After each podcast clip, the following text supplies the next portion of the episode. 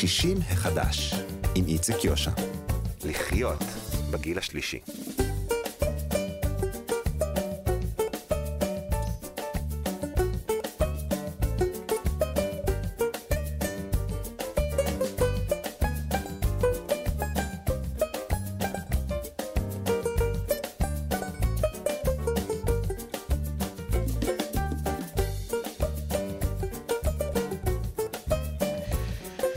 שלום, שלום ובוקר סוער כרמל לכם, מאזינות ומאזיני כאן תרבות, אנחנו 60 החדש.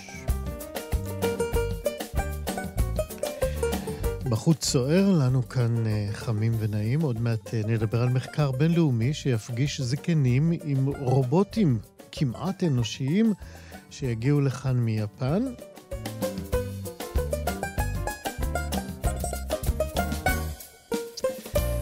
נדבר גם על הסטיגמה של אה, מתמודדי נפש בכלל ובני הגיל השלישי בפרט, כפי שהיא אה, עולה בספר שיצא בקרוב.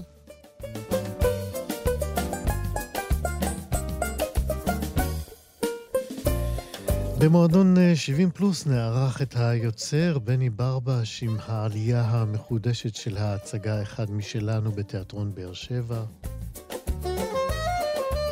אולי נספיק גם לדבר על ההוצאה המחודשת של אה, משנתו של דון חואן, של קרלוס קסטנדה, אה, ועל הצמחים של השמן הזקן. תהיה לנו גם uh, מוסיקה מראשית הפופ הישראלי.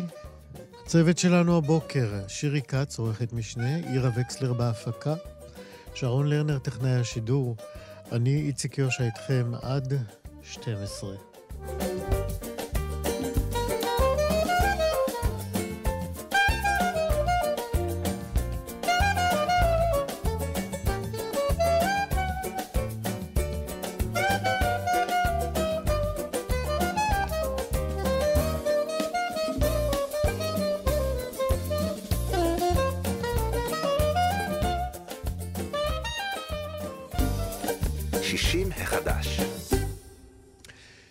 במהלך אה, השנה הקרובה יגיעו לארץ מיפן 20 רובוטים, רובוטים לצורך מחקר שתוביל האנתרופולוגית דוקטור קרן מזוז, וכך אנחנו קראנו השבוע במוסף ממון של ידיעות אחרונות בכתבה של ישראל וולמן. המחקר הזה יבדוק את השפעתם של הרובוטים על חייהם של קשישים שישהו במחיצתם של אה, אותם רובוטים. זהו מחקר אה, בינלאומי, כלומר, השתתפו בו קשישים מכל העולם, אה, וחוקרים על ידם כמובן.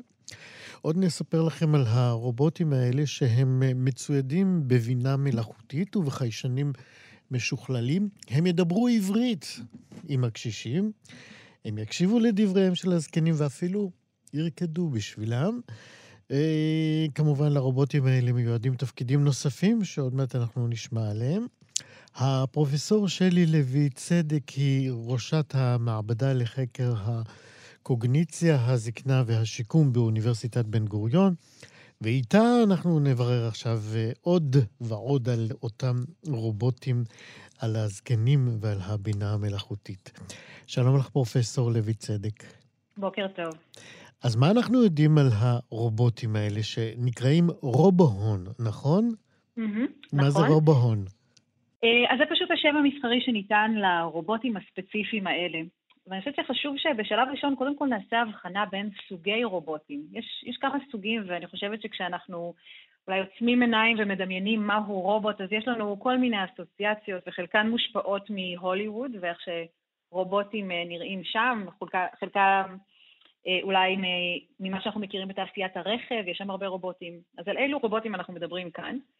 אמ, אז הרובוטים האלה הם חלק מקטגוריה שנקראת אה, רובוטים מסייעים. וגם פה יש חלוקה שאנחנו רוצים לעשות. חלק מהרובוטים המסייעים הם רובוטים מסייעים פיזית. אז אם נחשוב על מה יכול לעשות רובוט שמסייע פיזית, יכול להיות שהוא למשל ילווה אותנו לקניות בסופר ויעזור לנו לסחוב את הקניות בחזרה. מספק איזושהי תמיכה פיזית לפעולות שאנחנו רוצים לעשות. ויש כאלה. לא. ספציפית הדוגמה הזאת לא קיימת, אבל אה, יש רובוטים מסייעים פיזית אחרים, זה כן. נראה אותך מאתגרת את היפנים, תוך חודש יש לך כזה רובוט. בדיוק.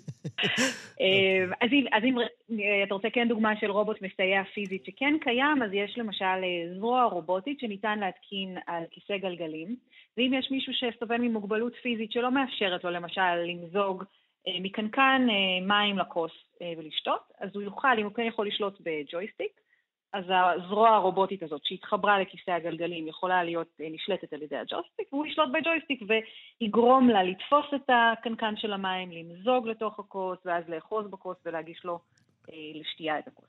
איפה, אלה, איפה אנחנו מכירים אותם בשימוש? אז אלה, אה, יש כאלה זרועות רובוטיות שנמכרות בקנדה והן מופצות לכל העולם. לנו במעבדה יש אה, זרוע כזאת שרכשנו, לדוגמה. אוקיי. Okay. אה, וזה הקטגוריה, אמרנו, של רובוטים מסייעים פיזית. Mm-hmm. עכשיו, יש עוד קטגוריה של רובוטים שמסייעים חברתית. הקשר שהם יוצרים עם בן האדם והסיוע שהם נותנים לו, הם באמצעות איזשהו קשר חברתי שיכול להיבנות באמצעות דיבור, באמצעות מגע, באמצעות תנועה. ואם נסתכל על דוגמאות כאן, אז זה רובוט שיכול אה, למשל להזכיר לקחת תרופות בזמן. הוא יכול אה, להזכיר לנו לעשות אימון ואפילו להציג וידאו למשל של האימון שאנחנו צריכים לעשות עכשיו, טאי צ'י בבוקר או אימון קוגניטיבי אחרי צהריים, ו, ובעצם מלווה אותנו משך היום, ו, ובחלק מהמקרים הוא יכול להיות uh, ממש גם עוזר אישי, uh, שאפשר לשאול אותו מה מזג האוויר היום, ו, ולבקש שעכשיו יצלצל לנכדה. אז אה, אמרנו, צריך להבחין אה, אה, ברובוטים האלה, הם לא כמו אלה שאת אומרת שאנחנו מכירים מהסרטים, יש להם ממש מראה שדומה איכשהו לדמות אדם, נכון? אז זה חלק מהמגוון. יש מגוון מאוד רחב של רובוטים חברתיים. חלקם יכולים להיות דמויי אנוש, וחלקם יכולים להיות או דומים לחיה, או בכלל איזושהי צורה מאוד אבסטרקטית. עיגול על, על גבי מרובע, וזה גם יכול לעבוד, והקשר שלנו שאנחנו יוצרים עם הדמות הזאת יכול להשתנות גם על בסיס המראה שלה. והוא לא מחויב המציאות שזה יהיה דמוי אנוש. אוקיי, okay, אז אלה שתי הקטגוריות של אה, מסייעים אה, פיזית ומסייעים אה, חברתיים. יש עוד קטגוריות של רובוטים כאלה? אלה, אלה, לא, אלה השתיים המרכזיות בהקשר של עבודה מול בן אדם ביום-יום, כלומר בבית, בסביבה הביתית, לפעמים בקליניקה או בבית אבות. יש רובוטים מקטגוריות אחרות לגמרי, אבל אותם נמצא בדרך כלל בהקשרים אחרים, כמו בתעשייה למשל. כן. אז בואי בוא, בוא, ננסה לבדוק לגבי המחקר הזה. אחרי זה נמשיך ונעמיק עם עוד סוגים של רובוטים. אה, קראנו בכתבה על אה, רובוט דמוי כלב ים, עוד מעט נדבר עליו, אבל אני רוצה לחזור טיפה אחורה על המחקר אה, עצמו. מה בעצם המחקר הזה בא לבדוק? כן, אז היוזמה הזאת של דוקטור מזוז הולכת לבדוק איך אנשים מבוגרים בישראל מתקשרים אל הרובוט הזה, ואני מניחה, על אף שאני לא מכירה את כל הפרטים של המחקר, שהולכים לבדוק מה היתרונות ש, שהרובוט הזה מציע עבורם. אחד האספקטים החשובים בעיניי של המחקר, יש לו כמה. אז אחד זה הבין-תרבותיות. לראות איך אנשים בישראל מגיבים אחרת לאותו רובוט עם אותן אמ, אפשרויות שהוא מציע, איך הם מגיבים בישראל לעומת איך מגיבים ביפן, ששם אנחנו יודעים שבאופן כללי האוכלוסייה הרבה יותר מקבלת טכנולוגיה כחלק מחיי היום-יום. אה, חשוב לעמוד על ההבדלים האלה כדי לראות אילו התאמות ניתן לעשות כדי שכמה שיותר הרובוטים הללו יהיו שימושיים אה, לאנשים בישראל וככה בתרבויות אחרות. אז זה אספקט אחד. אספקט אחר, אה, שבגינו אני מאוד מברכת את היוזמה הזאת, הוא שהתכנון הוא שהמחקר יהיה ארוך טווח. לא חד פעמי, אלא משהו שקורה לאורך כמה חודשים. עכשיו, למה זה חשוב? אם יש רובוט שאתה נפגש בו פעם ב... אולי פעם אחת או, או מספר פעמים בשנה, זה לא מאוד משנה מה קורה בטווח הארוך. נאמר, אם יש אה, רובוט שמוצב בדלפק בשדה התעופה והוא אמור לסייע לך למצוא את השער הנכון. אז זה רובוט שתפגוש פעם בשנה אולי, אמ, ואז אם האינטראקציה היא טובה, לא טובה, זה לא מאוד משפיע לך על החיים. לעומת זאת, רובוט שנעשה בו שימוש ביום-יום, רובוט שנעשה בו שימוש בשיקום, כמו התחום שאנחנו חוקרים במעבדה שלי. זו, זה קשר שהוא נבנה ו, ונשאר, אמור להישאר לאורך הרבה מאוד זמן, חודשים. וזה מוביל אז... אותנו לעניין הבינה המלאכותית. זאת אומרת, אה, הרובוט הזה יודע בעצם ללמוד ולהתעדכן ולהשתכלל בהתאם לתגובות של מי שמפעיל אותו. או שאני זאת טועה. השאיפה. okay. זאת השאיפה, צריך לראות שזה באמת מיושם. כלומר, זו השאיפה באופן כללי של עולם הרובוטים והטכנולוגיה להגיע ללמידה תוך כדי. זה מאוד לא פשוט להשיג את זה. אז אוקיי, אז הרובוטים האלה, הרובוהונים האלה שיגיעו לכאן לישראל, הם, הם יחולקו, איך זה, איך זה הולך לקרות בפועל? הם יחולקו בבתים של אנשים זקנים, יהיו להם מפעילים צמודים, יפעילו אותם מרחוק, איך זה הולך לקרות? מישהו צריך ללוות את זה. כן, אז אני לא עורכת את המחקר בעצמי, אז אלה שאלות שדוקטור מזור תוכל לענות עליהן ישירות. ההנחה שלי היא שכן, זה יחולק לבתים של אנשים שיסכימו להשתתף, וגם פה חשוב לשים לב שיכול להיות שתהיה איזושהי הטיה בבחירת המשתתפים, כי מי שלא מחובר לרעיון של טכנולוגיה בבית, יכול להיות שלא ירצה לקחת חלק בניסוי הזה. אז, אז זה דבר אחד, ובדרך כלל מתכנתים את הרובוטים מראש, מציבים אותם בבתים, ואז מספקים תמיכה טכנית לאורך זמן. את מכירה מחקר דומה, זאת אומרת, שימוש ברובוטים כאלה ש... שאת מפעילה, או שאת, מחקר שאת מכירה בעולם? אז מה שאנחנו עושים אצלי במעבדה, אנחנו חוקרים רובוטים בהקשר של שיקום, כשבשנים האחרונות הדגש הגדול שלנו היה שיקום לאחר שבץ, והמחקר שלנו הוא הראשון מסוגו בעולם שעשה אינטראקציה ארוכת טווח, בדיוק הסברתי קודם לכן למה חשוב לעשות מחקר שהוא ארוך טווח, אז זה מה שעשינו, בקליניקה עם אנשים אחרי שבץ. עשינו שימוש ברובוט הומנואיד, רובוט שהוא דמוי אנוש, שנתן לאנשים תרגילים לבצע אחרי שבץ, ונתן להם משוב איך הם עשו, אם היה טוב, לא טוב, מה אפשר לתקן, ותוך כדי גם סיפר להם בדיחות ו- ורקד ו- ושאל אותם על היום שלהם. וזה ב- ביוזמת הרובוט או על פי בקשה של המטופל? הריקוד למשל.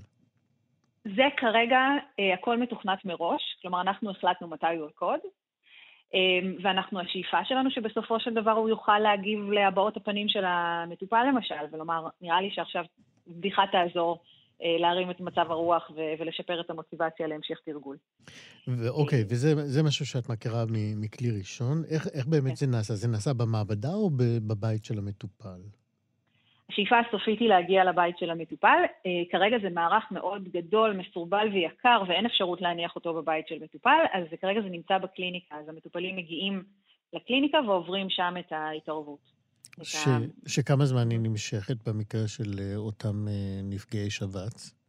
כן, אז כל מפגש אורך עד שעה, ויש חמישה, 15 מפגשים כאלה לאורך כחמישה שבועות. כלומר, שלושה מפגשים בשבוע. כן. את יודעת להגיד איך קרה שדווקא יפן היא מעצמת רובוטים אנושיים כאלה? כן.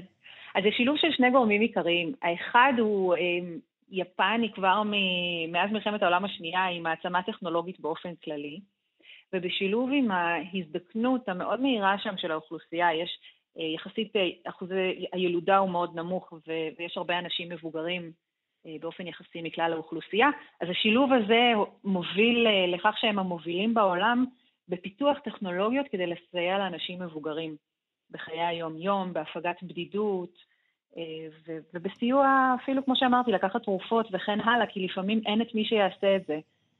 אני רוצה להגיד, אגב, דבר שחשוב להגיד באופן כללי, בהקשר כן. של רובוטים עבור אנשים. הגישה שלנו ושל רבים מחבריי למקצוע, זה שאין תחליף לבן אדם. ברגע שיש מישהו שיכול לבצע את המטלה והוא בן אנוש, אז זה עדיף על פני רובוט. למה בכל זאת אנחנו חוקרים רובוטים? כי לפעמים אין מישהו שיעשה את זה, ואז אל תוך הבור הזה שנפער, יהיה טוב אם יש טכנולוגיה שיכולה לסייע. כן. כמובן שתמיד המגע האנושי אה, הוא ללא תחליף. אה, קראתי עוד בכתבה, אמנם זה לא המחקר שלך, אבל אה, שיש אחד הרובוטים שם, הוא יהיה מין דמוי כלב ים, תהיה לו אפילו פרווה, והוא, יגיב אפילו לקריאות של הזקן בבית או הזקנה. זה, זה, זה איכשהו לדמות באמת מציאות באופן, אני לא יודע, אני לא רוצה להגיד, אבל זה קצת מורבידי, לא? אוקיי, okay, אז אני רגע אדייק את הנושא. אז הכלב הים הזה הוא נקרא פארו, זה גם רובוט שפותח ביפן. הוא לא יהיה חלק מהמחקר, הוא צוין כאחד מהרובוטים שפותחו גם הם כדי לסייע לאנשים מבוגרים בין היתר, ובאמת נעשו לא מעט מחקרים לגביו ביפן עם אנשים שסובלים מדימנציה למשל, והראו שאנשים צריכים לקחת פחות תרופות כשהם, יש להם הזדמנות ללטף אותו אפילו חצי שעה ביום, והם הרבה, הרבה יותר רגועים כשהוא בסביבה.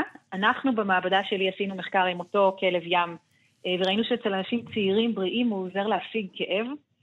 אה, אנחנו, אני אודה פה קבל עם ועדה, אנחנו גרמנו כאב לאנשים אה, באופן מכוון, ואז ביקשנו מהם לדרג את הכאב הזה בזמן שהם מלטפים את כלב הים ובזמן שהם לא, וראינו שהם חוו ירידה משמעותית בתחושת הכאב בזמן ליטוף של כלב הים. ולשאלתך, האם זה מורבידי? בהחלט. זו לא שאלה, זה מין, אה, אה, את יודעת, רושם אה, אולי מוטעה שלי. בכלל לא. אני חושבת שזה חלק מהעניין, יש לזה גם שמות. אם, אם בעגה היומיומית של הדור הצעיר הזה יקרא קריפי, או מקריפ, ואנחנו ללא ספק שומעים גם את זה. ואני חושבת שזה שילוב של הניסיון האישי עם, עם כמה טכנולוגיה זמינה סביבנו. כלומר, זה, זה חדש, וזה יכול להיות מפחיד, ובעצם מה שמפחיד זה ההשלכות של זה. אני חושבת שחלק ממה שמקריפ, מרתיע או מורבידי, אה, כלשונך, זה המחשבה של מה זה אומר. מה זה אומר כשיש לי כלב ים רובוטי ולא חתול אמיתי, אה, או, או כלב אמיתי.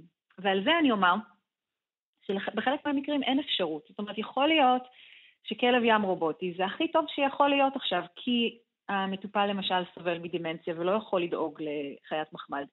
אה, חיה ואמיתית שצריך לדאוג לה לחיסונים ולהוציא אותה לעשות את הצרכים וכן הלאה. יכול להיות שיש אנשים שסובלים מאלרגיה. יש מגוון סיבות שבהן אי אפשר ליהנות מהחוויה של אה, חיית מחמד אמיתית, חיה ונושמת, אבל חיית מחמד רובוטית אולי יכולה להציע איזשהו אה, פתרון חלקי, אולי זמני. ו-having said that, לא לכולם זה יתאים. וזה בסדר גמור, ואני חושבת שלכן חשוב לעשות מחקר שהוא כמה שיותר רב-תרבותי, כלומר אנשים גם ממדינות שונות, אבל גם ממגזרים שונים, גילאים שונים. החשיפה של מי שהיום הם בני 60 ומעלה לטכנולוגיה, היא אחרת מהחשיפה של מי שיהיו בני 60 ומעלה בעוד 60 שנה. לגמרי. ולכן זה מחקר שצריך לערוך אותו עכשיו, ושוב עוד עשר שנים, ושוב עוד 60 שנה. כן. והתשובות עשויות להשתנות לאורך זמן. כן, כמי שעומדת בראש אה, מעבדה לחקר הקוגניציה, אמרנו, הזקנה והשיקום, אה, מה החלומות שלך בתחום הזה של הרובוטים והטיפול בבני אדם אה, זקנים? שאלה מצוינת. אז קודם כל, החלום שלי הוא יותר משנשלב רובוטים באופן חכם בחברה, וזה החלום, אבל יותר מזה שנעשה את זה באופן אתי, מוסרי, ששומר על הכבוד של כל האנשים שמעורבים בעניין. אחד החששות שלי בתחום הזה, mm-hmm. שאנחנו קצת רצים קדימה בלי שכולם, כולל חברות שמפתחות רובוטים, עוצרים וחושבים מה נכון מוסרית לעשות. ואנחנו רואים מה שקרה עם ה-social media, עם פייסבוק ועם אינסטגרם ודומיהם, mm-hmm. הרגולציה לא נכנסה בזמן. רגולציה מתחילה רק עכשיו להתעורר באיחור ניכר של כמה שנים על מה מותר ומה אסור. העשה, אין לנו כרגע סט של חוקים של עשה ואל תעשה אה, בענקיות הטכנולוגיה הללו. אה, והשפעות ניכרות על בני נוער ועל מבוגרים כאחד. גם רובוטים, אם אנחנו עכשיו מכניסים רובוט לבית של מישהו, איזה מידע הוא יכול לאסוף? עם מי הוא עם מי המידע הזה ייחלק, למי תהיה גישה למידע הזה. Mm-hmm. יש אפילו שאלות אתיות ברמה של, אה, נתתי דוגמה שרובוט אה, יכול לסייע למישהו לקחת תרופות. ואם יש מישהו שהוא חייב תלויים בתרופה והוא מסרב לקחת את התרופה, צריך לשאול שאלות כמו, מה החובה המוסרית פה של הרובוט? האם החובה המוסרית שלו היא מול בן האדם ולעשות את מה שחשוב לו כרגע, או החובה המוסרית היא לדווח את זה אה, נגיד למערך הבריאות, כדי שאפשר יהיה אה, לשלוח איש צוות שיטפל בעניין. כלומר, יש כל כך הרבה שאלות אתיות, והתקווה שלי היא שנשלב רובוטים באופן נכון, באופן שמתאים לאנשים ולבני המשפחות שלהם, ובאופן מוסרי ואתי. איזה עוד סוגיות אה, מוסריות עולות פה, נגיד, אם ניקח את זה מתחומים אחרים של המדע, למשל שיבוטים של בני אדם. איפה mm-hmm. יכולים להיות, יכולות לצוץ בעיות אתיות מהסוג הזה בשימוש ברובוטים? כן, יש, יש את, את החוקים של אסימוב, שלושת החוקים המרכזיים שניסח אסימוב כבר לפני שנים רבות, של מה רובוט צריך לעשות, ובין היתר הוא צריך לציית לפקודות של בן האדם מבלי שהוא גורם לפגיעה בבן אדם אחר. איך מלמדים ובאמת, רובוט לעשות את זה? זה הכל בתכנות. בסופו של דבר אין דבר כזה mm-hmm. החלטות של רובוט. בסופו של דבר הכל יהיה מתוכנת מראש. יכול להיות שיהיו um, כמה אפשרויות שמתוכנתות מראש, או, או איזושהי סדרה של uh, בחירה שתינתן לו, אבל הכל בסוף בידי המתכנתות והמתכנתים, ולכן חשוב שיהיה גיוון גם במי שאמון על uh, מלאכת התכנות. אנחנו יודעים, אה, לקחים שאנחנו גם לומדים מעמק הסיליקון, זה שיש לנו בעיקר אה, אה, גברים צעירים שמתכנתים את הטכנולוגיה, אז לא תמיד רואים חלקים אחרים באוכלוסייה, והטכנולוגיה היא מופנית בעיקר אליהם. אז אותו דבר כאן, אני חושבת שחשוב... את רומזת או אומרת במפורש על שוביניזם בתחום? אני חושבת שיש הטייה, אני לא חושבת, מחקרים אחרים אמרו את זה לפניי ואני מסכימה איתם, יש הטייה בפיתוח טכנולוגיה כלפי אה, גברים צעירים, לא בהכרח מותאמים לחלקים אחרים באוכלוסייה, ולכן אה, מאוד חשוב שיהיה גיוון. אז למשל, אצלי במעבדה, אני עצמי מהנדסת ביו-רפואית, והצוות שלי הוא מאוד מאוד מגוון, ויש לנו חבר'ה שבאים גם מהפן הקליני, אנשים שזה מה שהם עושים ביום-יום שלהם, רואים מטופלים, וגם אנשים מפסיכולוגיה, וגם מחינוך, וגם מפילוסופיה, וגם מהנדסה. ואנחנו מבחינתי זה, זה אה, גיוון שמשרת את מי שעבורו אנחנו מפתחים את הטכנולוגיה. אה, באותה מידה צריך שיהיו גם כמובן אנשים שהם ה-end users, המשתמשים, משתמשי הקצה, ולכן אנחנו גם עושים מחקר שתמיד הולך ושואל את משתמשי הקצה המיועדים, מה אתם צריכים, מה אתם רוצים, ומה החששות שלכם. אם אתם חוששים שיהיה לכם רובוט בבית, ואם כן, אז למה? כדי שנוכל עד כמה שאפשר לעצב משהו שמתאים לצרכים כן. הפרופסור שלי לוי צדק, לקראת אה, סיום, אני רוצה אה, לשאול אותך אה, שוב עוד קצת על המעבדה שלכם. במה אתם עסוקים כרגע? מהו המחקר שהוא הכי, הכי בסדר עדיפות אצלך?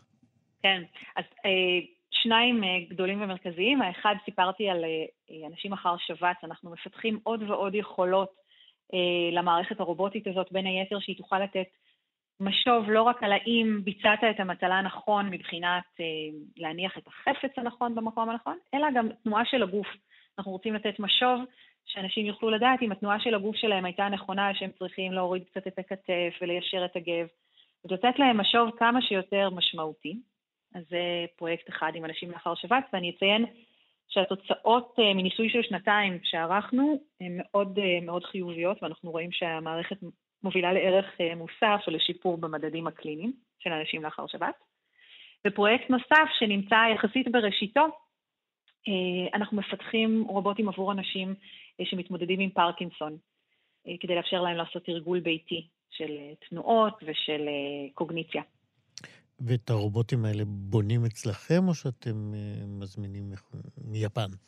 כן, אז, אז יש אה, גם וגם, אז יש רובוטים שאנחנו מזמינים כמו שהם מהמדף אה, בחברה, ויש רובוטים שאנחנו בונים. אז במקרה של הפרויקט לאחר שבץ, אז קנינו רובוט ואז עשינו סביבו את כל התכנות ובנינו את מערך התרגול סביב מה שקיים, ובמקרה של רובוטים עבור אנשים שמתמודדים עם פרקינסון, אנחנו בונים את, ה, את הרובוט. פרופסור אה, שלי לוי צדק, אה, מהכמעט חצי שעה שאנחנו מדברים, אה, המרתקת הזאת, נראה לי שיש לך את אחד העיסוקים המעניינים בעולם. תודה רבה. תודה רבה שדיברת איתנו. בשמחה, כל טוב. להתראות. 60 מחדש, מועדון 70 פלוס. ובמסגרת המועדון הזה שלנו, אנחנו מארחים עכשיו אה, אה, מצטרף חדש שהוא אחד מטובי היוצרים שקמו בישראל. תסריטאי, סופר ובמאי מאוד מאוד מוערך, קוראים לו בני ברבש. אנחנו נזכיר רק מעט מהיצירות שהוא רשומות על שמו במלואן או בחלקם, וזכו בפרסים והערכה גדולים, כמו התסריט והסרט מאחורי הסורגים. סדרות כמו טירונות, מילואים, הספר My First Sony. אמ, ובתחילת החודש הזה התחילה לרוץ הפקה מחודשת של ההצגה אחד משלנו, שברבוש כתב והועלתה אה, לראשונה בתיאטרון בית לסים אי שם בסוף שנות ה-80. אה, נאמר עוד שאת גרסת 2021 אה, מביים כפיר אזולאי, ואני שמח מאוד לומר עכשיו שלום, בני ברבש. שלום וברכה. מה שלומך? אני בסדר, מה שלומך אתה? אני מנסה לבדוק. אה, אני לא בטוח שאני גם אמצא תשובה בקרוב, אבל אה, זה באמת דיון אחר. השמעתי כאן שני שירים על שלום ועל אה, אחוות האדם, וזה כל כך רחוק מהשיחה שאנחנו הולכים לנהל פה עכשיו. אני רוצה לנסות ביחד איתך לחזור ל-1987, הפרמיירה של אחד משלנו, בית לסין תל אביב. איפה זה, איפה, איפה אתה אז אה, עם אה, מה שאמור לקרות עם המחזה הזה? אז אני צעיר באיזה כמה? שלושים ומשהו שנים. ומפלס אה, התמימות? כן. אה, אז עדיין הייתי, מבחינת המיקום שלי בחיים, הייתי עדיין מג"ד במילואים ואכלתי את החומרים שמוצגים בהצגה מכל הכיוונים האפשריים. אה, יש לי ביוגרפיה די עשירה, גם בקבע וגם במילואים. ודבר נוסף שאולי כדאי לציין, לא יודע כמה זמן עובר, עומד לרשותנו, זה שההצגה הזאת בהתחלה הייתה בכלל מיועדת לעלות בתיאטרון הבימה. אבל היו חילוקי דעות אה, מאוד מאוד אה, חריפים ביני לבין מי שהיה מיועד לביים את ההצגה, חנן שניר, בקשר לסוף. של ההצגה... בוא שתף אותנו, אנחנו בענייני אחורי הקלעים של ההצגות תראה, הגדולות. תראה, אנחנו לא... אנחנו לא יכולים, אני לא רוצה לעשות ספוילרים להצגה, מה גם שגם כרגע אנחנו נמצאים באיזה מין שקלא וטריא ואולי איזה, איזה שינויים קוסמטיים כאלה ואחרים אה, בהצגה. אבל ההצגה נגמרת בצורה נורא טרגית. אה, וחנן טען כלפיי שזו החלטה שרירותית אה, שבאה להעביר איזה מסר פוליטי שלא צומח אה, לאו דווקא מתוך הדינמיקה שנוצרת בהצגה. לצערי, בינתיים, כמה שנים אחרי זה, נרצח ראש ממשלה, שבהרבה מובנים אני חושב שההצגה התכתבה עם אפשרות מן הסוג הזה. אז בוא באמת, אה, לטובת אה, מי שלא ראו לא את ההפקה ההיא ולא את זאת החדשה, ובכל זאת אה, נכניס אותם לדיון, קצת ככה תקציר על אחד משלנו, מה קורה בעצם עם אותו חוקר סיפור, שמגיע? סיפור על חוקר מצ"ח שמגיע ל...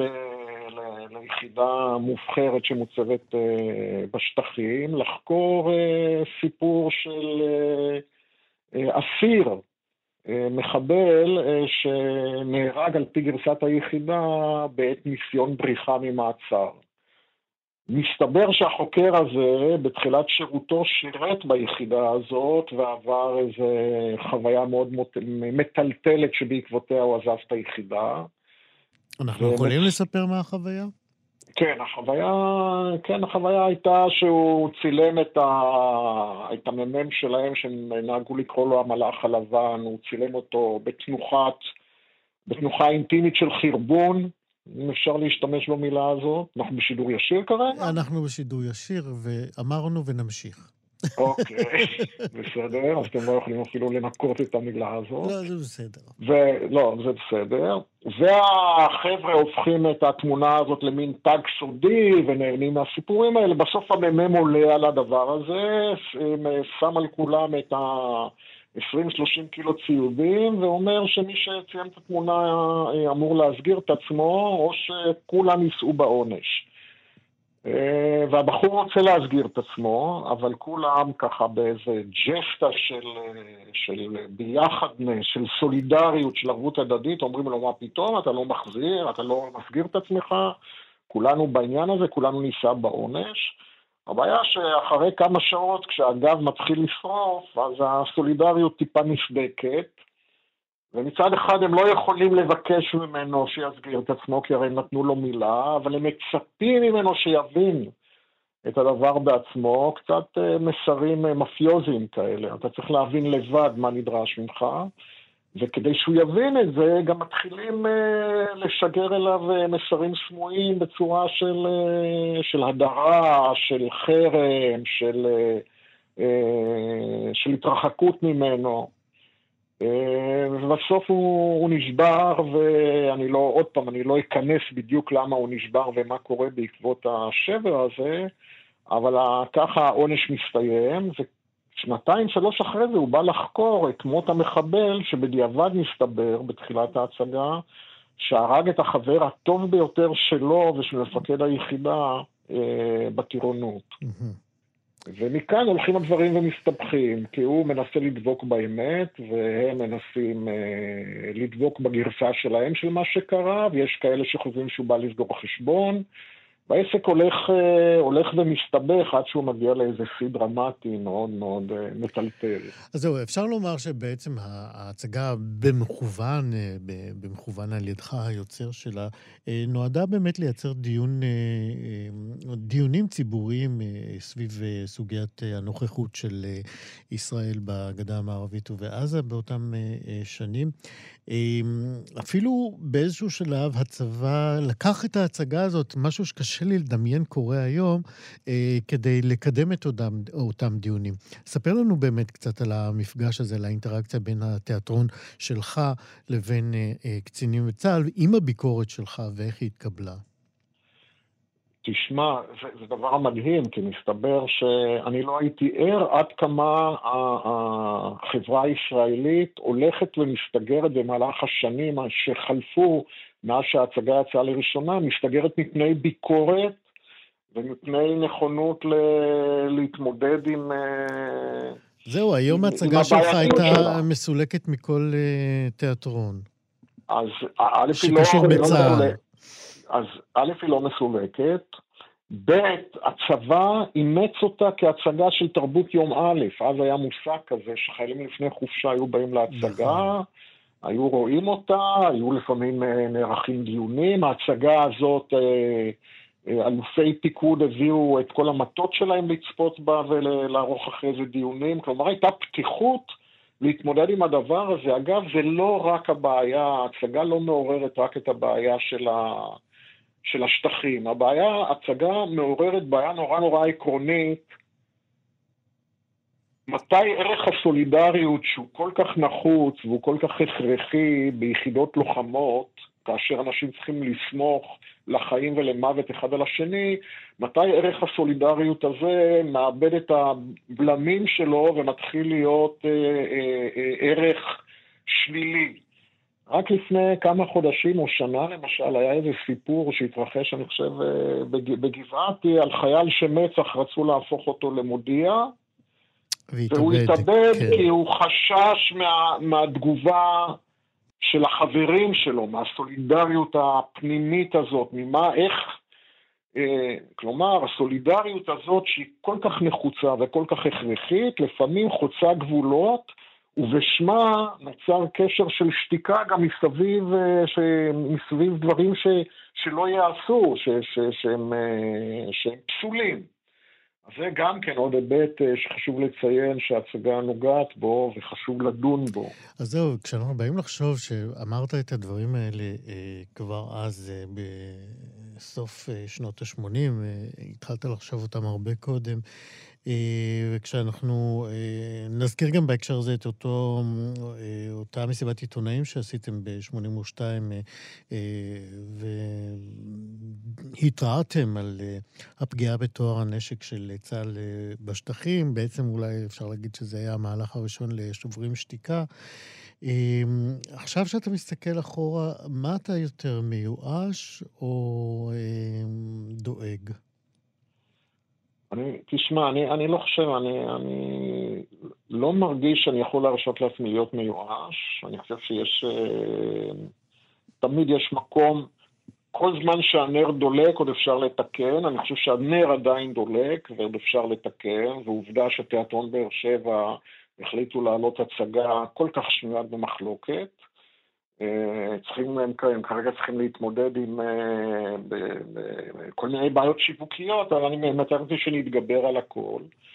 אז מיואש בטוח לא, ו... אבל עם רצון אז, אתה יודע, להמשיך ולקדם את, ה... את האג'נדה שלי. כן, אז בגרסה הראשונה חנן שניר ניסה לעשות שינויים. האם אתם עשיתם איזה שהן התאמות אקטואליות בגרסה הזאת של אחד משלנו? אה, אנחנו שוקלים כל מיני דברים כדי אולי מעט למתן, אה, למתן את הזעזוע שבדיעבד הסתבר לנו אחרי ההצגות שהיו בשבוע שעבר בתל אביב, הזעזוע העמוק שעבר על חלק גדול מהאנשים. זעזוע כל כך עמוק שגרם להם אה, להתרחק ולהסתגר מפני ההצגה. אנחנו צריכים למצוא את הפשרה הנכונה בין, אתה יודע, בין האמיתות האומנותיות והערכיות שלנו לבין מה שהקהל, קהל הצופים מסוגל לעכל, כי האפשרות השלישית זה פשוט לא לעשות את זה. אז הפשרה הזאת היא פשרה שאנחנו כרגע עובדים עליה, ואני חושב שאנחנו נצלח את המכשול הזה. אז אנחנו מאחלים לכם, אז, ונאמר שוב שההצגה, אחד משלנו, כבר רצה בעצם מה-2 בדצמבר בתיאטרון באר שבע. בני ברבש כותב ההצגה, תודה רבה מאוד שדיברת איתנו. תודה לכם שדיברתם איתי. להתראות. 60 החדש. בריאות הנפש אה, בישראל אה, הוא שמו של אה, ספר שיראה אור בקרוב, וכותב אותו שוקי שטרבר, שהוא חוקר וסופר. לטענתו של שטאובר, כלי התקשורת בישראל מאוד מעמיקים את הסטיגמה ואת הדעות הקדומות לגבי פגועי נפש בכלל, וכאלה בגיל השלישי. אה, בפרט. זה קורה, שטאובר אומר, אה, באופן רוחבי כמעט ב, בכל התוכניות בתקשורת, במהדורות החדשות, אה, וגם ב, אפילו, אפשר לומר, בתוכניות אה, דוקומנטריות. אז אה, אה, אנחנו נרצה לדבר על כך אה, בדיוק עם אה, שוקי שטאובר. שלום, שוקי. שלום וברכה, איציק. אז קודם כל, ברכות על הספר, למרות שהוא עוד לא ממש ראה אור. אה, ואני חייב לומר שיש משהו מאוד מאיר עיניים בעובדה שהעיסוק שלך ברפואת הנפש הוא לא המקצוע המוצר שלך. נגיד רק שתחומי ההתמחות שלך הם אה, יותר ניהול, קריירה ועבודה, וגם כתבת ספרים אה, בתחום הזה. מה באמת הניע אותך לכתיבת הספר הזה? בראש ובראשונה זה משום שאני בן משפחה למתמודד נפש.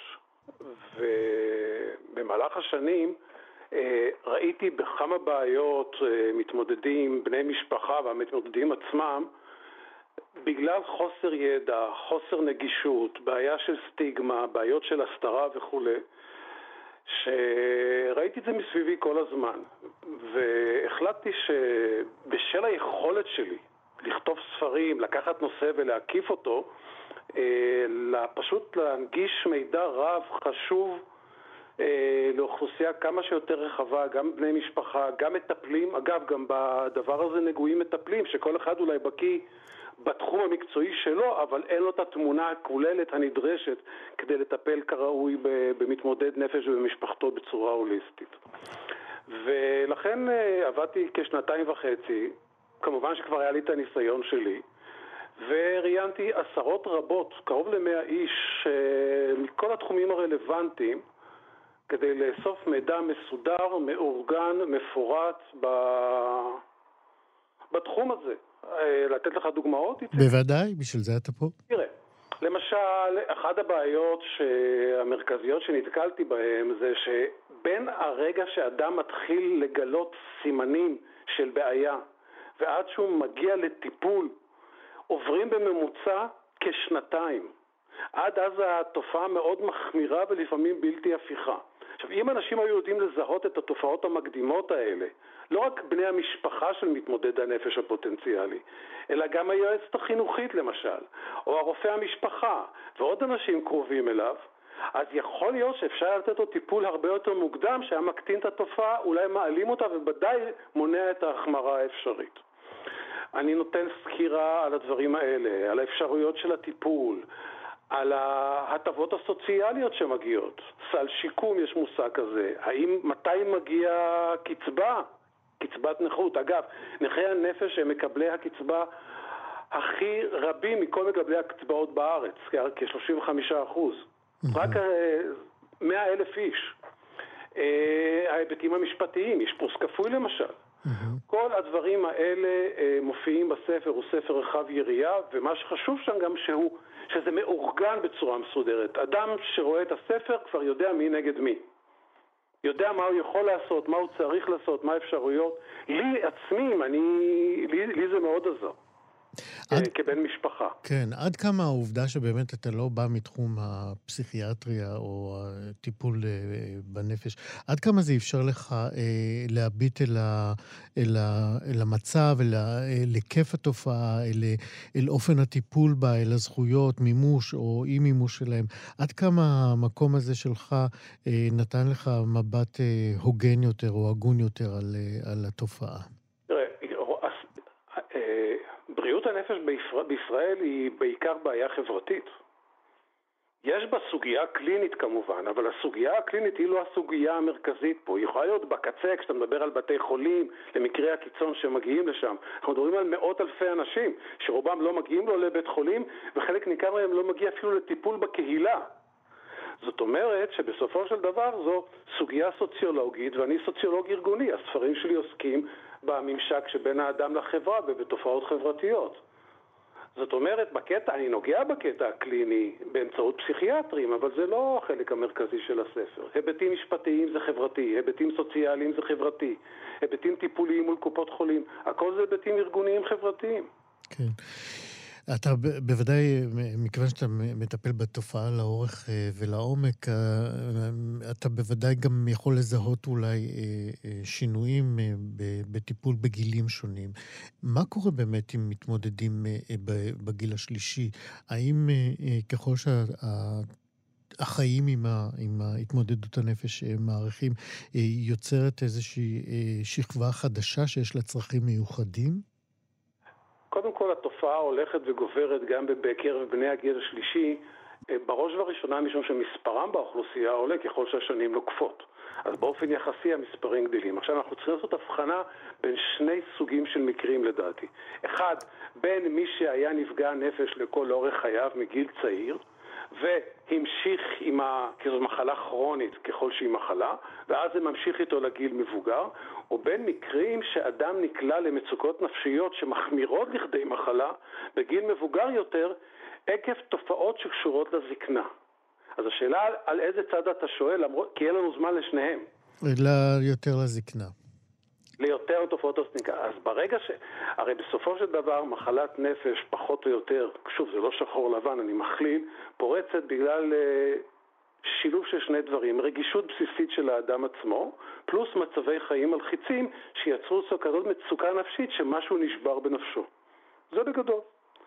עכשיו, אתה רואה את זה למשל תופעות שקורה בצבא, שאנשים נכנסים למצבי לחץ ולפעמים מגיעים למצבים פסיכוטיים וכדומה. עכשיו, כשאתה נקרא למצבי זקנה מסוימים, וככל שהגיל עובר במצבים מסוימים, אתה נקרא למצוקות שלא חווית אותן בעבר. למשל, אתה, דוגמה, אתה מאבד אה, בן זוג מאוד קרוב שחיית איתו עשרות שנים, זה משבר מאוד קשה. שיכול להשפיע על הלוך הרוח הנפשי.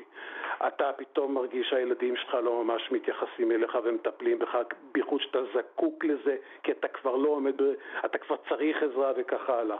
אתה מרגיש שמחלות פיזיות מתחילות לפקוד אותך חדשות לבקרים, ואתה מרגיש שהיכולות שלך לא כשהיו בעבר. כל זה זה מצוקות נפשיות. אז אם... מראש יש לך נפש רגישה, המצוקות האלה שהן מצטברות יכולות ליצור מצב ש... שתחלה במחלת נפש, לפי ההגדרות. אז אה, זה רק חלק מהדוגמאות כמובן. כמובן. אה, ועל כל היתר אה, אנחנו מן הסתם נקרא בספר. אגב, גילית דברים שלא ידעת לפני שניגשת לכתיבת הספר על... בתוך התופעה? יש דברים שהתחדדו לי במספרים שנדהמתי. כמו זה... למשל? בגלל הסטיגמה ראיתי שחלק ניכר מהאנשים, חלק ניכר, אני מדבר מעל 50 אחוז בהערכה, שיש להם מצוקות נפש חמורות ובכלל לא באים לקבל טיפול ועזרה משיקולי הסתרה בגלל הסטיגמה. לא מוכנים, הם או המשפחה שלהם, לא מוכנים שיהיה רשום באיזשהו מקום שהאדם נפגע נפש. זאת אומרת, אם אתה רוצה לקבל קצבה למשל כנפגע נפש, זה צריך להיות רשום באיזה מקום. ואם אתה הולך לקופת חולים ואתה רוצה טיפול, אה, או טיפול נפשי, אם אתה מתאשפז אז אין ברירה, לפעמים זה כפוי. אבל אנשים, המספרים היו מאוד גדולים, לא ציפיתי לכזה היקף. ניסית לא להציג אותם לגופים רשמיים? כן.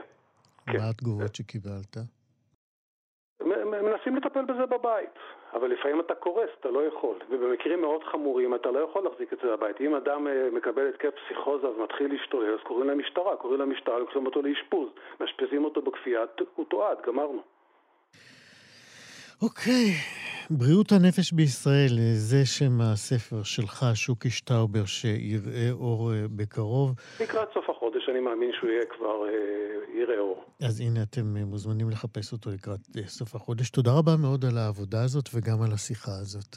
תודה רבה, איציק, יום נעים. גילה הדרי מסיימת אה, עוד תוכנית של שישי מחדש. תודה רבה מאוד לצוות. שירי כץ, עורכת משנה עירה וקסלר בהפקה, שרון לרנר, טכנאי השידור אחרינו, מה שכרוך. יובל אביבי, מאיה סלע, אני איציק יושע, נתראה.